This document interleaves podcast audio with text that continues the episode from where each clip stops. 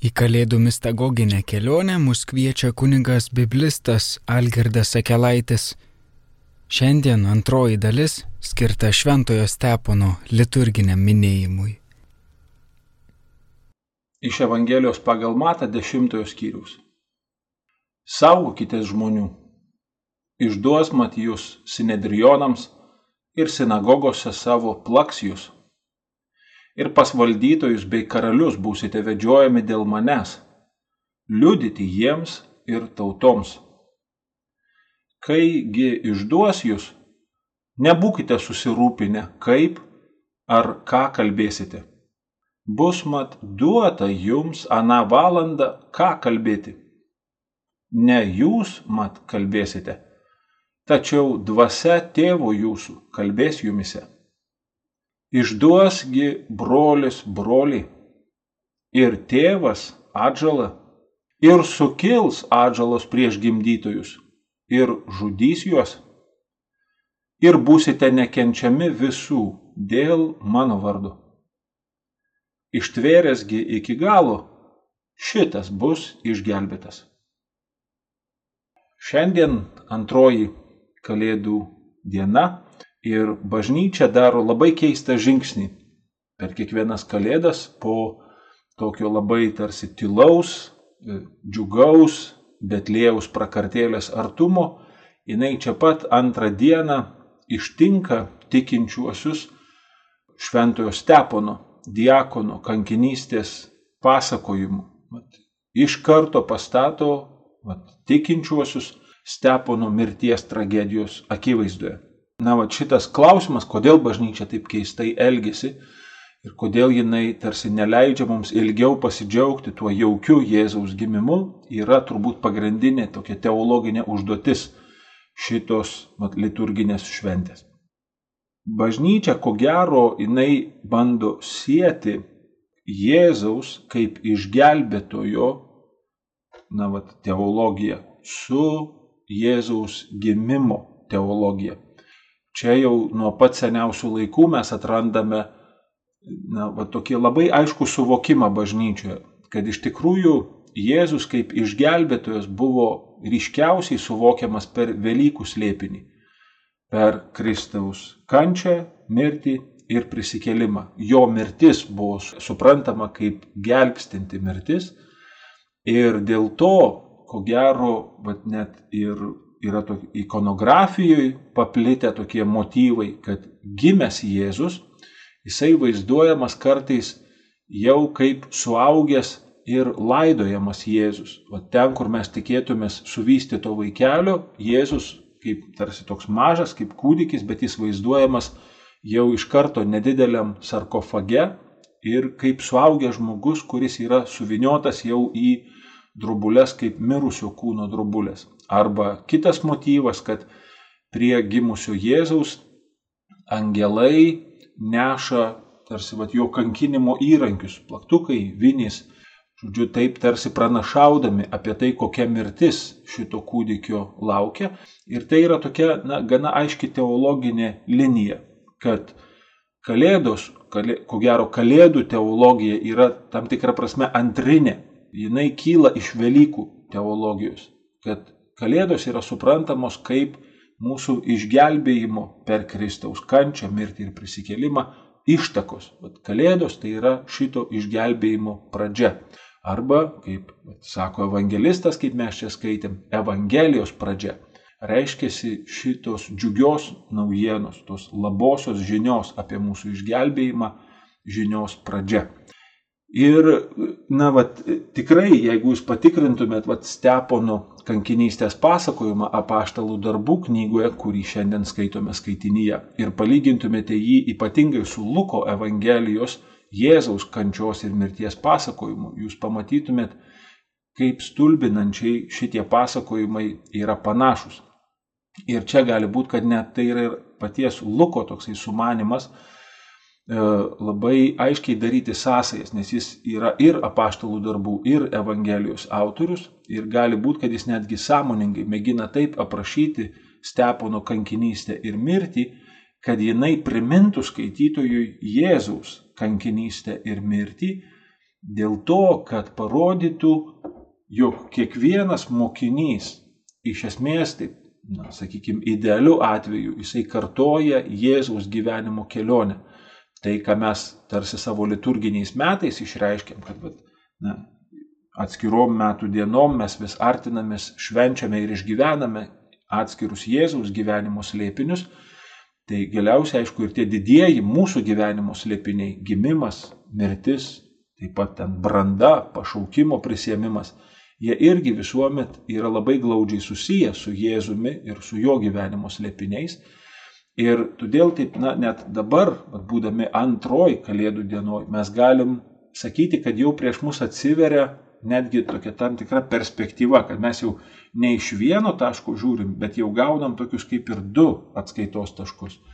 Vienas iš jų tai, tai ką aš minėjau vakar, tas Luko toks metodas, priemonė kai jisai tuos tarsi įvykius, kuriuos pasakoja Evangelijoje, visuomet pamėgina paaiškinti skaitytojui jų teologinę reikšmę, pasitelkdamas išorinius liudytojus. Mat kaip Zacharijui buvo minė, kuri interpretavo jo negebėjimą kalbėti. Marijai tai buvo Elsbieta, kuri ne tik Marijai, bet ir skaitytojui paaiškino na, žymiai gilesnę reikšmę to, kas su Marija įvyko. Tada, vat, taip kaip mes ir vakar skaitėme, ne, Jėzaus gimimo įvykyje piemenys tampa tie, kurie patiria šitą dievišką jie prieiškimą. Ir tarsi piemenims yra paaiškinama, kas yra tas kūdikis, kuris gimė, bet iš tikrųjų tai yra paaiškinama ir skaitytojui. Tai čia vienas toksai tarsi taškas, kur mes kaip bažnyčia atpažįstam savo mokinystę šių dienų pasaulyje Nes tikrai galime taip labai drąsiai sakyti, kad tai mes esam tie išoriniai liudytojai, vad kad ir šių metų kalėdų įvykiui. Žmonės, vad pasaulis, jie moka švesti kalėdas. Jie žino, ką reikia daryti, panašiai kaip ir Marija, jinai žino, ką reikia daryti, kai gimsta vaikas. Tai ir čia ne, žmonės žino, kad reikia ten nupirkti dovaną, susirinkti šeimoje, papuošti eglutę, nusipirkti plotkeles, ten nueiti į mišes. Jie žino šitos dalykus. Bet o ką iš tikrųjų reiškia Kalėdos? Kokia yra Kalėdų teologinė reikšmė šiais metais? O šitam laikmetyje ir šitoj situacijai, kurioje mes esame atsidūrę. Tai čia mes labai aiškiai pagal Luko Evangelijos va, tokią struktūrą ir strategiją galim labai aiškiai atpažinti, kad tai mes, bažnyčia, esame šių metų kalėdų tie išoriniai liudytojai, kurie esame pakviesti pasauliui paaiškinti teologinę šitų kalėdų reikšmę. Ką šitos kalėdos reiškia teologiškai, panašiai kaip ir tie išoriniai liudytojai Luko Evangelijoje, paaiškina skaitytojams, kokia yra teologinė reikšmė tų ar kitų aprašomų įvykių. Tai čia tokia tarsi viena, na, vienas kampas požiūrio. O vat, Mato Evangelija šiandien, kurioje mes randame Jėzaus kalbą su savo mokiniais apie tai, kokia yra mokinystės kaina O čia mes randame tarsi kitą atskaitos tašką ir dėl to sakom, kad tai yra perspektyva, nes mes jau nebe iš vieno kampo, bet tarsi iš dviejų kampų galime žvelgti į šitą patį mūsų mokinystės slėpinį. Ir tai, ką mes randam Mato Evangelijoje prašyta, tai ko gero, na, vat labiausiai čia tiktų tas pasakymas lotyniškas imitacijo Christi. Na, mes taip esame įpratę versti Kristaus sėkimas, bet iš tikrųjų šitas žodis imitacijo, tarptautinis imitavimas, jisai reiškia labai glaudų ryšį su tuo, kurį imituoju, tarsi pamėgdžioju, reiškia, stengiuosi būti visiškoje vienybėje su juo. Taip kaip tu eini, taip aš einu. Tai, ką tu darai, aš darau. Tai kaip tu kalbi, aš kalbu. Kokia tavo yra, koks tavo vertybių horizontas Toks mano te būna vertybių horizontas. Kokia tavo vidinė nuostata, tokia ir mano te būna vidinė nuostata. Ir va šitas imitacijo Kristi, jis iš tikrųjų būtent ir yra paremtas va, ta pačia glaudžiausia mokinio vienybė su savo mokytoju, iki tiek, kad po to Jėzus atsako taip labai, sakytume, netgi aštriai, ne, net ir vyrams, mokiniams, Jisai sako, vat, jūs esat mano broliai, jūs esat mano seserys ir sako, jūs esat mano motinos. E, reiškia, per jūs, net ir vyrus, mano mokinius, aš gimstu šių dienų pasaulyje, aš gimstu į jūsų aplinką. Ir vat, koks šitas imitacijų Kristi, vat, ką tai reiškia vat, mūsų atžvilgiu. Tai turbūt vienas iš pačių tokių netikėčiausių Jėzaus bruožų ir gal net pačių ryškiausių bruožų yra vat, Jėzaus laisvai pasirinktas pažeidžiamumo kelias. Kad vis tik tai Jėzus, nors yra visagalis, jisai pasirinko būti pažeidžiamas, jisai pasirinko tarsi, na, atsisakyti tos privilegijos. Bet žinot, žaidimuose kompiuteriniuose yra taip vadinamas toksai God mode maždaug, nu, reiškia tokia tarsi Dievo būsena, kai tavęs niekas negali pažeisti, kai tau niekas negali įkasti, kai tavęs niekas negali nužudyti ir tu tarsi toks, na, ne, nepasiek, tavęs jokia žala negali pasiekti. O Jėzus, jisai eina visiškai priešingų kelių ir mes tą matom, sakykime, mato Evangelijoje, tai nuo pat pradžių, kai išmėgintojas ateina dykumoje prisertina prie jo ir sako, pareikšk savo teisę į tas privilegijas, į tą statusą, kuris tau priklauso, jeigu tu iš tikrųjų esi Dievo sūnus. Ir tenai mes matom Jėzaus tokį labai na, paradoksalų atsakymą, kad jisai renkasi klusnumą, o ne galę. Ir va čia mes tikrai Evangelijai labai aiškiai atpažįstam, Jėzus sako, ne, aš atėjau ne tam, kad tarsi visus po savim paspauščiau, kad man visi čia turėtų dabar patarnauti, bet aš pats atėjau tam, kad patarnaučiau ir savo gyvenimo atiduočiau už daugelį.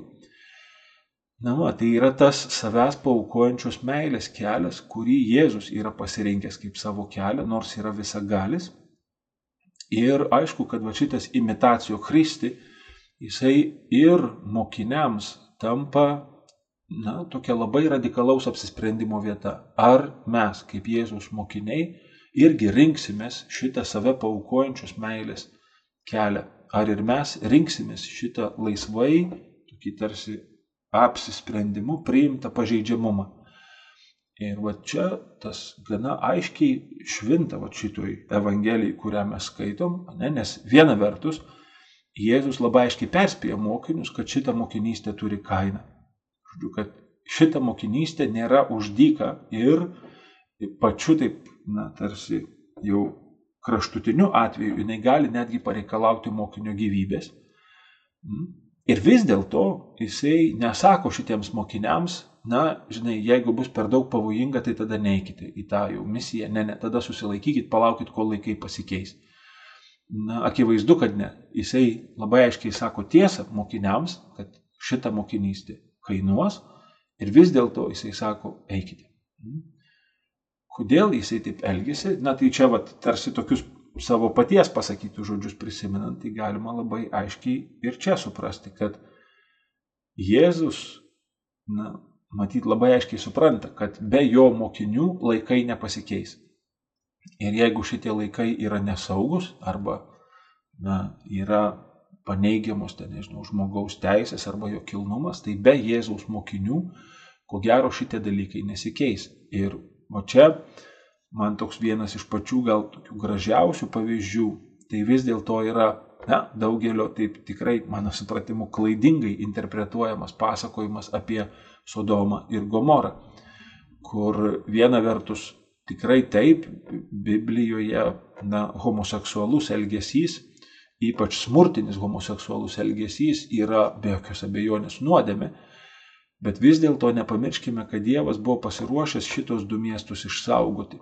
Ne dėl to, kad jam būtų vienodai, ar čia nuodėme, ar čia nenuodėme, bet ten dėrybos sustojo ties tuo, kad šitie miestai galėtų būti išgelbėti, jeigu juose atsirastų dešimt teisiųjų. Ir reiškia, kad na, va, tie dešimt teisiųjų galėjo tapti šitiems miestams na, va, tokiu tarsi išgelbėjimo bilietu. Kodėl? Atsakymas čia irgi turbūt, na, gana akivaizdus, kad šitie teisėjai galėjo tapti šitiems miestams atsivertimo galimybė. Tai anaip tol nereiškia, kad Dievas būtų išsaugęs tos miestus, tai kad maždaug jūs ir toliau likit vat, homoseksualų smurtautojai ir man viskas ok su jumis, nes vat, aš dabar žiūriu tik į tuos dešimt teisiųjų. Ne, ne, greičiausiai čia labai aiškus yra scenarius ir suvokimas, kad šitie dešimt teisiųjų, nors jų gyvenimas va, tokiuose miestuose yra visiškai nepavydėtinas ir ko gero, na, pavojingas, tai ką mes matom ir iš pasakojimo apie Lotą ir va tuos jos svečius, ir vis dėlto jie, dėl to, kad jie tampa atsivertimo galimybė tam miestui, jie tam miestui arba tiems miestams gali laimėti laiko. Na va, ir čia ko gero, kad nu, kai mes prabylam apie tą gelbstinčią mirtį, mes sakome, ne, kad Jėzaus mirtis yra gelbstinti.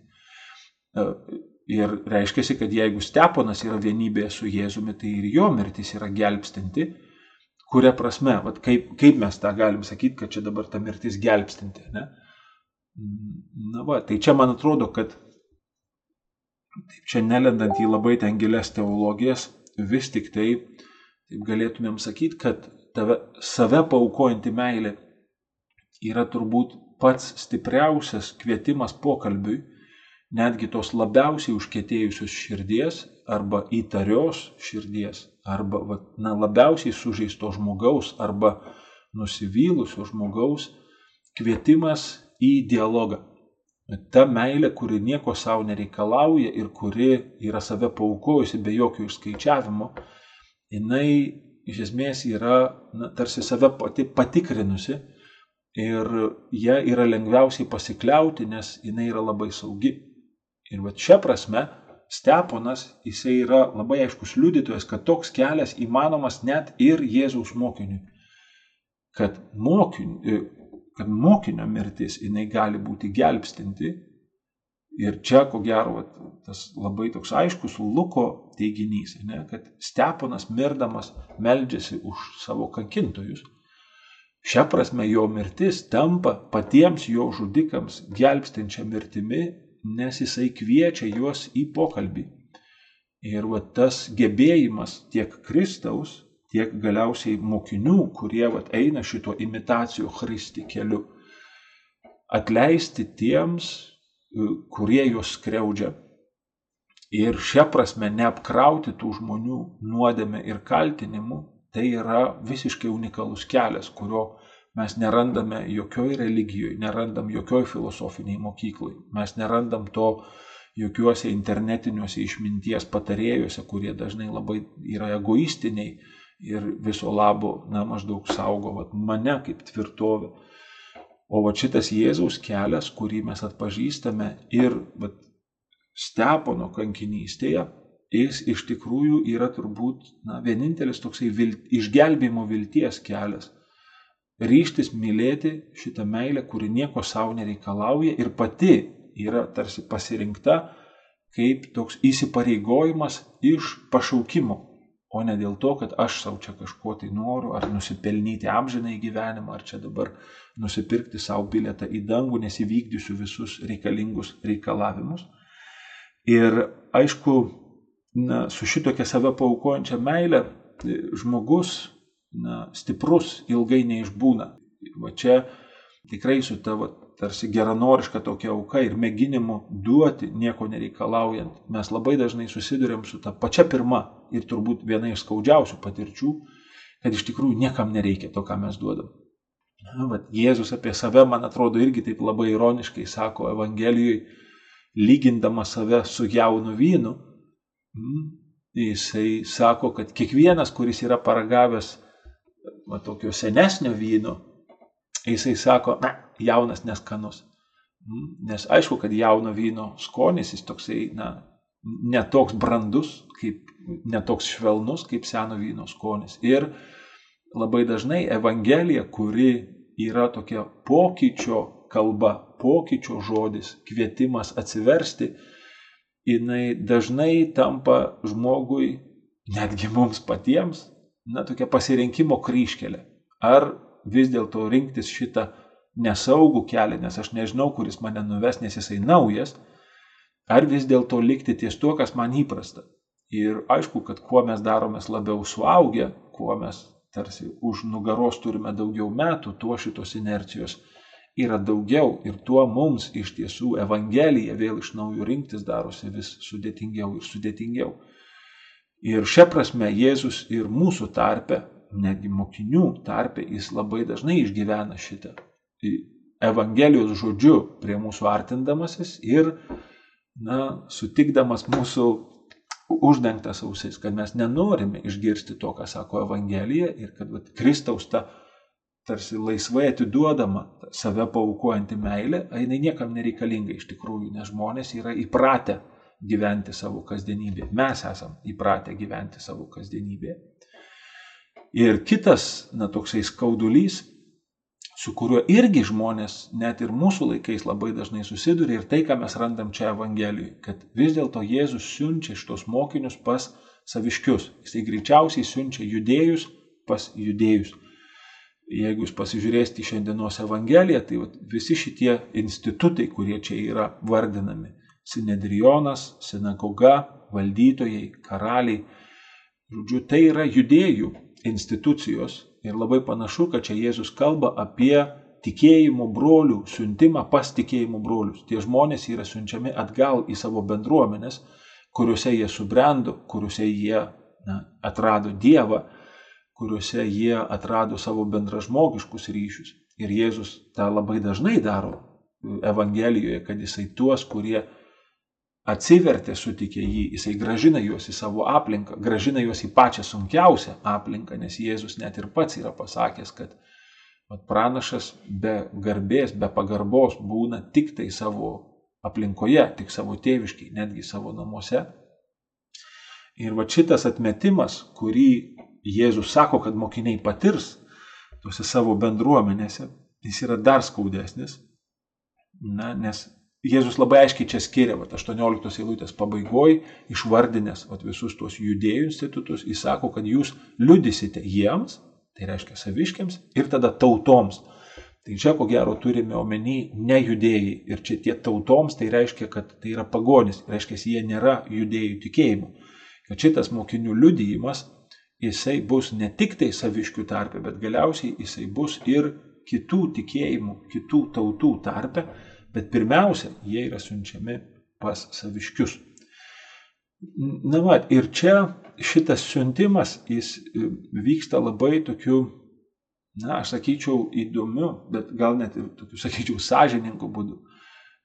Jėzus 16 eilutėje vat, kuri šiandien neįtraukta į Evangeliją, bet jeigu jūs nepatingėsit ir nueisit susirasit, tai ten matysit, kad Jėzus sako savo mokiniams, būkite gudrus kaip gyvatės arba žalčiai ir neklastingi kaip balandžiai. Tai čia e, labai panašu, kad visa šita ištrauka, kurią vat, dabar mes skaitome šiandien, yra tarsi paremta va šitais, va, būkite gudrus kaip gyvatės ir neklastingi kaip balandžiai tokia įtampa. Viena vertus, jeigu mes taip pažiūrėtumėm į pašaukimus Biblijoje, nes pašaukimas į Jėzaus mokinystę irgi yra pašaukimas, tai mes pamatytumėm, kad Biblija pasižymė labai tokių įdomių bruožų, kad Dievas dažnai kviečia žmogų tokiems labai ypatingiams dalykams, tarsi labai tokiams rimtoms užduotims. Ir kita vertus, labai retai kada pasako, kaip tą reikia padaryti. Dažniausiai tai būna tarsi siuntimas į vat, misiją, bet kaip tą misiją įvykdyti, dažniausiai na, tenka žmogui įtempti visas įmanomas jėgas, tarsi savo visą pajungti suvokimą ir išmonę, kad jisai gebėtų kažkokiu tai būdu padaryti tai, kam Dievas jį ragina, kam Dievas jį kviečia. Čia jeigu jūs pasiskaitytumėte ten Senojo testamento pasakojimus, tai pamatytumėte ypatingai ten teisėjų knygoj. Na tai vat, yra tokių, kur ten Dievas staiga ima teisėją jaunuolį ir sako, eik, vat, nugalėk medianą. Ir ten mes matom, kaip tas jaunuolis, nors Dievas jam nieko to nėra sakęs, jisai ten paskirsto stovyklai kelias grupės, sako, jūs būsite ten deglus paslėpsit po podynėm, tada ten išsiskirsit, žodžiu, jisai visą puolimą sustrateguoja tam, kad būtų įvykdytas va šitas Dievo planas. Ir čia mes matom tokia labai glaudžia jungti tarp to, ką Dievas tarsi ragina tą žmogų daryti ir kaip tą reikia įvykdyti. Ir lygiai tą patį mes turbūt galim užčiuopti ir Jėzaus gyvenime. Mes labai dažnai Jėzų tarsi aprengiam tokiom supergaliom, tokiais super sugebėjimais, bet na, jeigu atidžiau pasižiūrime Evangelijos tekstą, tai matom, kiek iš tikrųjų tos tamsos, nesupratimo ir tokio tikrai, a, na, ieškojimo, o kartais tiesiog aklo pasitikėjimo buvo ir Jėzaus gyvenime, ir kiek jam vat, nesėkmės arba kažkokie netikėtumai tapdavo ženklų apie Dievo valią. Um, tai čia tikrai va, tas, kad Dievas mus kviečia, bet labai dažnai kaip įvykdyti šitą Dievo kvietimą, mums tenka įtemti tiesiog visas savo jėgas ir išmonę. Tai čia labai būdingas biblinių pašaukimų bruožas. Ir kita vertus, va čia jeigu sakytume mane, kad tai būkite gudrus kaip žalčienė, nes jums reikės visos išmonės šitoj misijoj.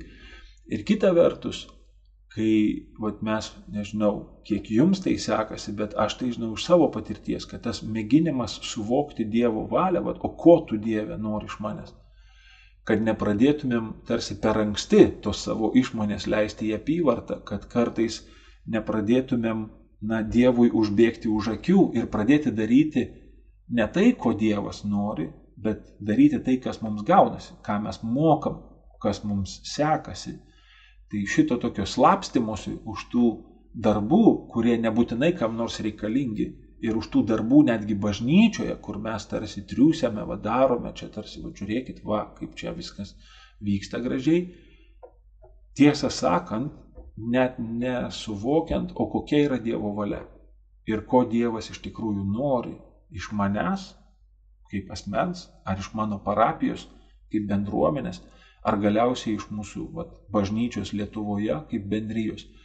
Tai yra pranašiškos dvasios na, vat, klausimas, kurios mums turbūt šiuo metu ypatingai stinga bažnyčiai. Na, mat, tai yra pranašiškas klausimas, mėginant ieškoti šitos Dievo valios ir bažnyčioje nuo seno yra nusistovėję labai keisti būdai, kaip šitą na, vat, valią tarsi suvokti, kaip ją išgirsti. Dažniausiai šitie būdai tai yra pasinerimas į visišką tylą, dažnai ilgam laikui, mėginant kažkaip tai savo tą iniciatyvą stabdyti ir mėginti tarsi į tokį pasivumą išorinį pasinėrus, žengti labai intensyvius tokius apsisprendimo ieškojimo žingsnius vidiniam gyvenime. Tai va čia tas buvimas neklastingu, kaip balandžiui, reiškiasi mat kaip vaikui tikrai atsiverti tam Dievo potraukiui, Dievo pašaukimui ir išgirsti tą balsą, kuris labai dažnai tampa negirdimas dėl visų mano ten aistrų ar valios riksmų, tai yra toks, atrodytų labai priešingas elgesys, bet, ne, bet Jėzus labai tokias hiperbolės mėgsta, tarsi na, visiškai tokius į, į skirtingas puses na, nubrėžiančius kelius. Ir vis dėlto tai yra vat, mokinystė kur reiškia yra viena vertus šventoji dvasia, kuri čia ir ne šiaip savo yra paminėta, va ta tėvo dvasia, reiškia giliausia tai, kas tėve yra, jinai viena vertus yra nenugalimai stipri, ne, nes jos žodis vienintelis tenai turi galę, va tuomet, kai mokiniai susidurs su pasipriešinimu. Ir, ir kita vertus, ne, šitą dvasę reikia išgirsti. Ne, reiškia, tai, ką Jėzus sako, būkite susirūpinę ne tuo, ką jūs kalbėsite, bet kaip jums išgirsti šitą dvasę. Ne, kaip jums būti tiek klusniems, kad šita dvasia gautų žodį. Tai čia irgi toks vienas iš pačių ironiškiausių pavyzdžių Evangelijoje, tai man yra ta gražioji kelionė į Jeruzalę, kur Juozapas ir Marija, įsivaizduodami, kad Jėzus yra su jais, jie numaskatuoja visą paros kelią pirmin, įsivaizduodami, kad Jėzus vis dar saugiai ir maždaug kažkur tai draugė su jais. Ir staiga po tos paros kelionės paaiškėja, kad Jėzus jau kažkur seniai yra nuėjęs savo keliais, o jie tiesiog to nepastebėjo. Ir maždaug įsivaizduodami, kad Jėzus na, šoks pagal jų dudelę, ne, jie tarsi grįžta su tokiu klausimu, kodėl tu nesi mums klusnus. Na, va, tai čia tikrai su Dievu pastebėti va šitos Dievo judesius ir tinkamai į juos sureaguoti. Čia vėl mes ko gero su ta savo inercija, kuo vyresni, tuo labiau mes e, vis stipriau susidurėme, kad na, mums iš tikrųjų norisi to tokio įprastumą gerbiančio Dievo, o laikai labai stipriai keičiasi ir kartais visiškai netikėtai mes, na, vat, kaip bažnyčia, sulaukėme tokių metų kaip šie, kur tas mūsų pašaukimas būti išoriniu liudytoju šitiems tikėjimo slėpiniams, jisai tampa labai radikalus ir dažnai užklumpa mus nepasiruošusius ir mes tiesiog neturime atsakymų ir daromės tokia trupučiuką nereikalinga bažnyčia. Na, va tokia, kuri tarsi savo ritualus ir moka pakartoti, bet atrasti va tą žodį, sugebėti prakalbinti save paukojančią meilę tų žmonių, su kuriais mes dabar gyvename šių dienų pasaulyje, mums jau darosi sunku. Na va, ir čia vėlgi labai, man atrodo, svarbu, kad šitas žodis, anematas, tėvo dvasios žodis, jis iš tikrųjų yra ne tam, kad mokinius išgelbėtų. E, mokinystė turi savo kainą ir kartais jinai reikalauja tiesiog viso gyvenimo. Ar palaipsniui diena iš dienos atiduotų, ar iš tikrųjų pasiryžimo kankinystiai. Ir vis dėlto tas žodis jis yra ne tiek dėl mokinių, kad jų kailis būtų išsuktas, kiek kad tas žodis jisai atpažįsta, ką tiems žmonėms tuo metu reikia išgirsti. Bet kas yra skirta tiems žmonėms, ko iš tikrųjų mes savo logiką, savo supratimu, ar ten, nežinau, pastoracinės teologijos išmanimu, mes niekuomet nesuprasim. Va čia mes atpažįstam tą pranašystės dvasios galę, kurios mes taip ilgimės ir šių dienų bažnyčioje, kad mes iš tikrųjų atpažintumėm, ką Dievas nori, kad mes šių dienų žmonijai pasakytumėm. Ir tai anaip tol nereiškia, kad bažnyčia taps populiari. Kad bažnyčia taptų populiari, tai čia labai paprasta. Reikia tik pradėti žmonėm pataikauti ir pradėti šnekėti, ką žmonės nori girdėti. Linkėti jiems gražių dalykų, nieko iš jų nereikalauti ir, ir, ir juos guosti, vat, maždaug tokiais saldžiais žodžiais, nutylint, kiek Dievas iš mūsų reikalauja ir į kokią mokinystę jisai mus kviečia. Ir bažnyčia iš karto bus populiari, tik tai gaila, kad bus negyva turbūt. Nu, va, ir čia visas šitas mokinystės kelias, jis yra dar nesaugesnis. Dėl to, kad jame nėra aiškios taisyklės. Tai, kas galioja vienu atveju, ir mes tą labai aiškiai matome Evangelijoje, kad Jėzus ten sako vienoje vietoje, kas ne su mumis, tas prieš mus. Kita vertus, sako, kas ne prieš mus, tas už mus. Žodžiu, ta pati taisyklė atrodytų vienam kontekste jinai veikia, o kitam kontekste jinai jau nebeveikia. Ir čia yra vienintelis atsakymas šitoj mokinystėje, kad tik pati glaudžiausia vienybė su asmeniu, tas tikrai toks mūsų labai glaudus ėjimas su Jėzum, jisai tenai tarsi dovanoja tokį šansą išgirsti, o ko šiuo metu reikia. Aš atsimenu, vat, mane kažkaip, dar aš seminaristas buvau, mane tas labai užknisdavo šitas dalykas, kad, pavyzdžiui, Evangelijoje nėra aiškiai parašyta, tiesiog Naujajame testamente nėra aiškiai parašyta, o kaip skelbti Kristų. Ką sakyti pirmiausia, o ką sakyti po to, o, kaip, o koks trečias žingsnis. Ir mus ten supažindino su tokia, beje, protestantiška ir labai genialia iš tikrųjų schema, ne? kaip ten šeši, septyni žingsniai Ne, kad Dievas tave myli, tu esi nusidėjęs, Jėzus yra tavo išgelbėtojas, išpažinki viešpačių, šaukis šventosios dvasios ir ne, bendruomenėje, žodžiu, tikėk Dievu. Um, aš atsimenu, mane labai užkniso kažkada, tai mes kalbėjome su misionierium Juozapu Bastenu ir jo klausėm, nu, mes tai vadinam kerigmą šitos žingsnius ir mes sakėm, o, o kaip vat, jūs maždaug skelbėte tą kerigmą. Ir, ir Bastenas jis taip kaip poetas tenai A, tai sako, ne, tai aš tai žiūriu į žmogų, žinokit, aš tai vat, šnekuosi pradžioje su žmogum, žiūriu kaip jis čia ką. Ir tada aš suprantu, kokios žinios jam reikia, ką Dievas nori, kad aš paskelbčiau. Na, nu, tai man tai ten buvo kažkaip peilis, žinai, nu ne, palauk, tai turi būti tvarka, žinai, tu turi žingsnius nueiti, ten, žinai, e, čia turi būti biški viskas, čiuku čiuku, nu, čia tvarka turi būti.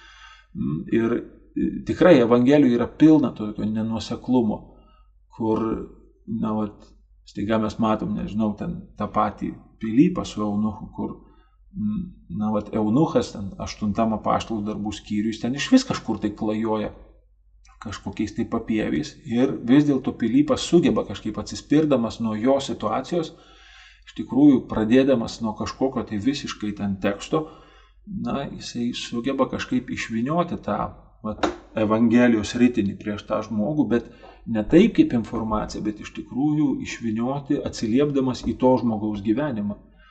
Ir ten turbūt jau kažkokių griežtų taisyklių, kokį tą gyvenimą iki susitikimo su apaštalų pilypų tas eunuchas turėjo būti nugyvenęs, jų tiesiog nėra. Tai va čia, ko gero, ta vienybė su pačiu asmeniu, va tas imitacijo Kristi, jis yra vienintelis įmanomas kelias ir mūsų šių dienų mokinystėje. Ir aišku, dar vienas kažkaip toksai aspektas, kur na, irgi, man atrodo, vertėtų šiandien šiek tiek tokį ekskursą trupučiuką padaryti, kad ta pati radikaliausia forma šito liudijimo Kristaus, kuri yra kankinystės forma, na, jinai bažnyčioje visuomet buvo, na, taip pripažįstama kaip tam tikras, na, pats aukščiausias standartas. Kuria prasme? Ne ta prasme, kad čia mes turėtumėm visi dabar pradėti iškoti kankinystės, bet kad iš tikrųjų mirtis, jinai yra tokia na, išbandymas beprasmybė. Ir va, tas klausimas, ne, o kas man iš tos Kristaus mokinystės, jeigu aš mirštu?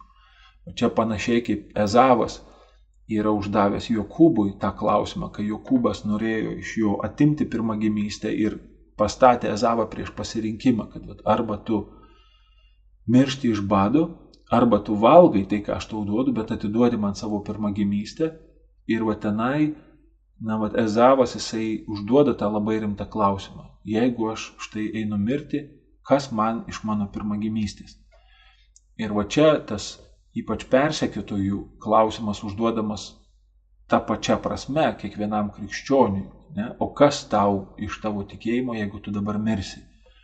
Bet ir maždaug, ar tu iš baimės mirti atsižadėsi savo pirmagimystės, jau visai kitokios pirmagimystės, tapimo Dievo vaiku, ar tu išsižadėsi Kristaus. Na va, ir aišku, kad šita mūsų, na, tarsi ištikimybė, vienybė iš tikrųjų su Kristumi, mes labai pigiai Kristų parduodame šiais laikais. Dažniausiai dėl kompromisų čia, nežinau, turbūt su šautuvais arba su sprogmenim mūsų kol kas Lietuvoje na, nesivaiko, bet mes žymiai pigiau Jėzų atiduodam ir parduodam.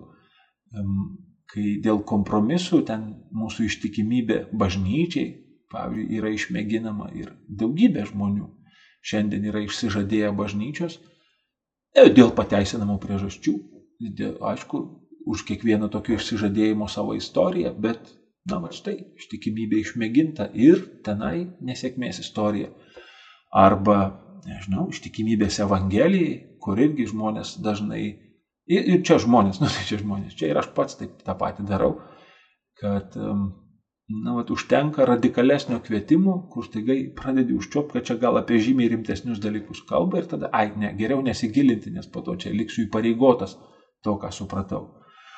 Arba galiausiai vėl tie patys mūsų susitikimai su žmonėm, per kuriuos mes Kristų susitinkam ir kur ten irgi labai dažnai užčiuopia, kad tai jau pareikalaus aukos, pareikalaus kažkokio papildomo laiko, dėmesio, jėgų, tada staiga iš karto, na taip pat gražiai suviniojam šitos dalykus ir už kažkokiu ten formuluočiu ar kažko tai pasislepiam. Tai čia šitie dalykai labai dažnai, jų, jų yra begalės mūsų gyvenime ir todėl bažnyčiai jinai labai na, aukština šitos kankinius, todėl kad tai yra tarsi na, pačiu radikaliausiu būdu, didžiausios beprasmybės akivaizdoje padarytas sprendimas vis dėlto ištverti iki galo.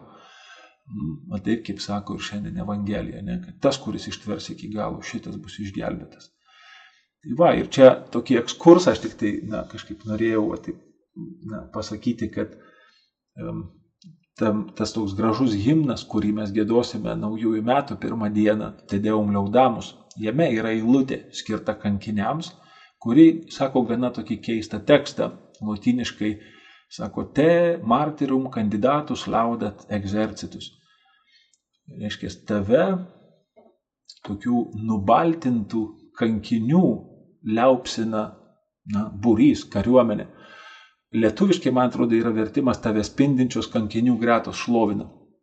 Tas žodis kandidatus, nu, kandidatas iš to yra kilęs, jisai nuo žodžio latiniško candidus, baltas, ir reiškia, kad tai yra nubaltintieji. Ir vat, čia geras klausimas, iš kur dabar jie tos nubaltintosius ištraukė šitam himne.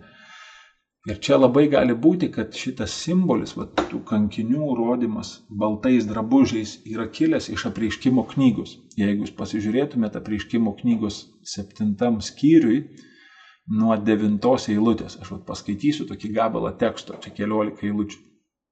Po to mačiau ir štai, gausinga minė, kurios suskaičiuoti niekas nepaėgė, iš kiekvienos tautos ir iš genčių, iš liaudžių ir kalbų Jie buvo atsistoję priešai sostą ir priešai savinėlį, apsivilkę ilgais baltais drabužiais, su palmių šakomis rankose. Jie šaukė didžiu balsu - išgelbėjimas Dievui mūsų, sėdinčiam sostę ir avinėliui.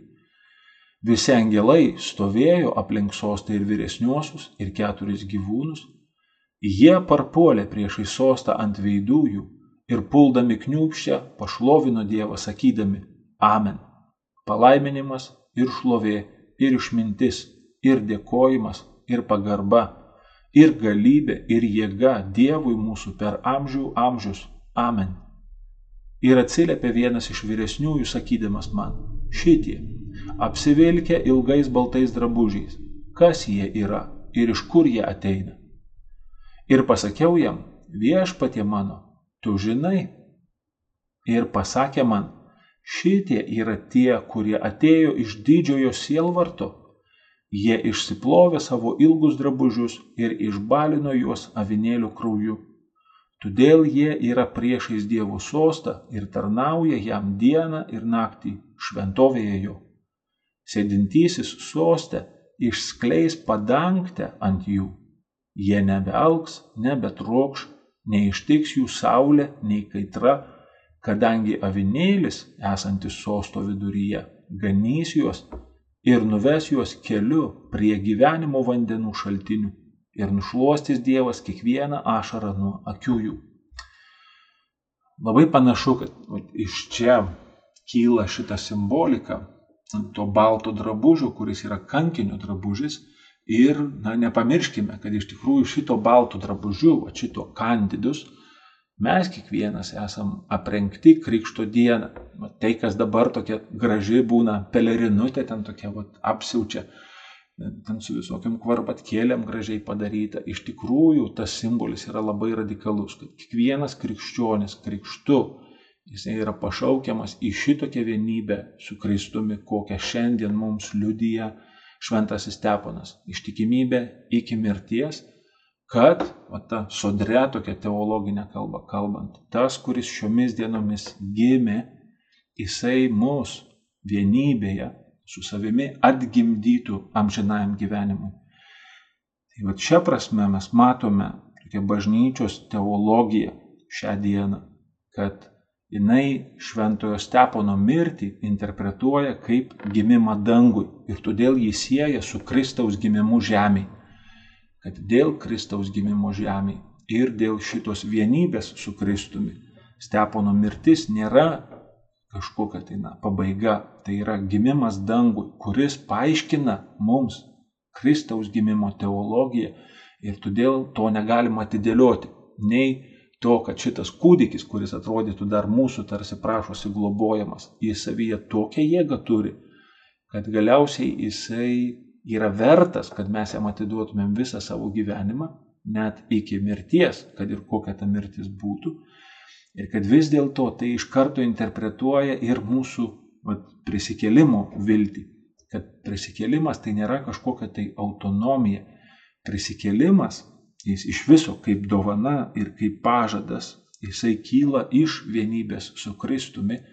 Ir tas atgimimas, kuris yra gimimas dangui, jis yra į vienybę su Kristumi. Taip kaip mes, bet krikšte tarsi iš anksto ragaujame šitą tikrovę, iš anksto įgauname šitą gyvybę savyje, kuri leidžia mums tikėti, leidžia mums, kaip ir pavyzdžiui šituose netikėtuose labai metuose, labai netikėtuose kalėdose, tikėjimu atsiliepti į šito laikmečio iššūkius. Garbė Jėzui Kristui. Kalėdų mistagoginė kelionė su kunigu biblistu Algirdu Akelaičiu. Girdėjome antrąją dalį skirtą Šventojo Stepono liturginiam minėjimui.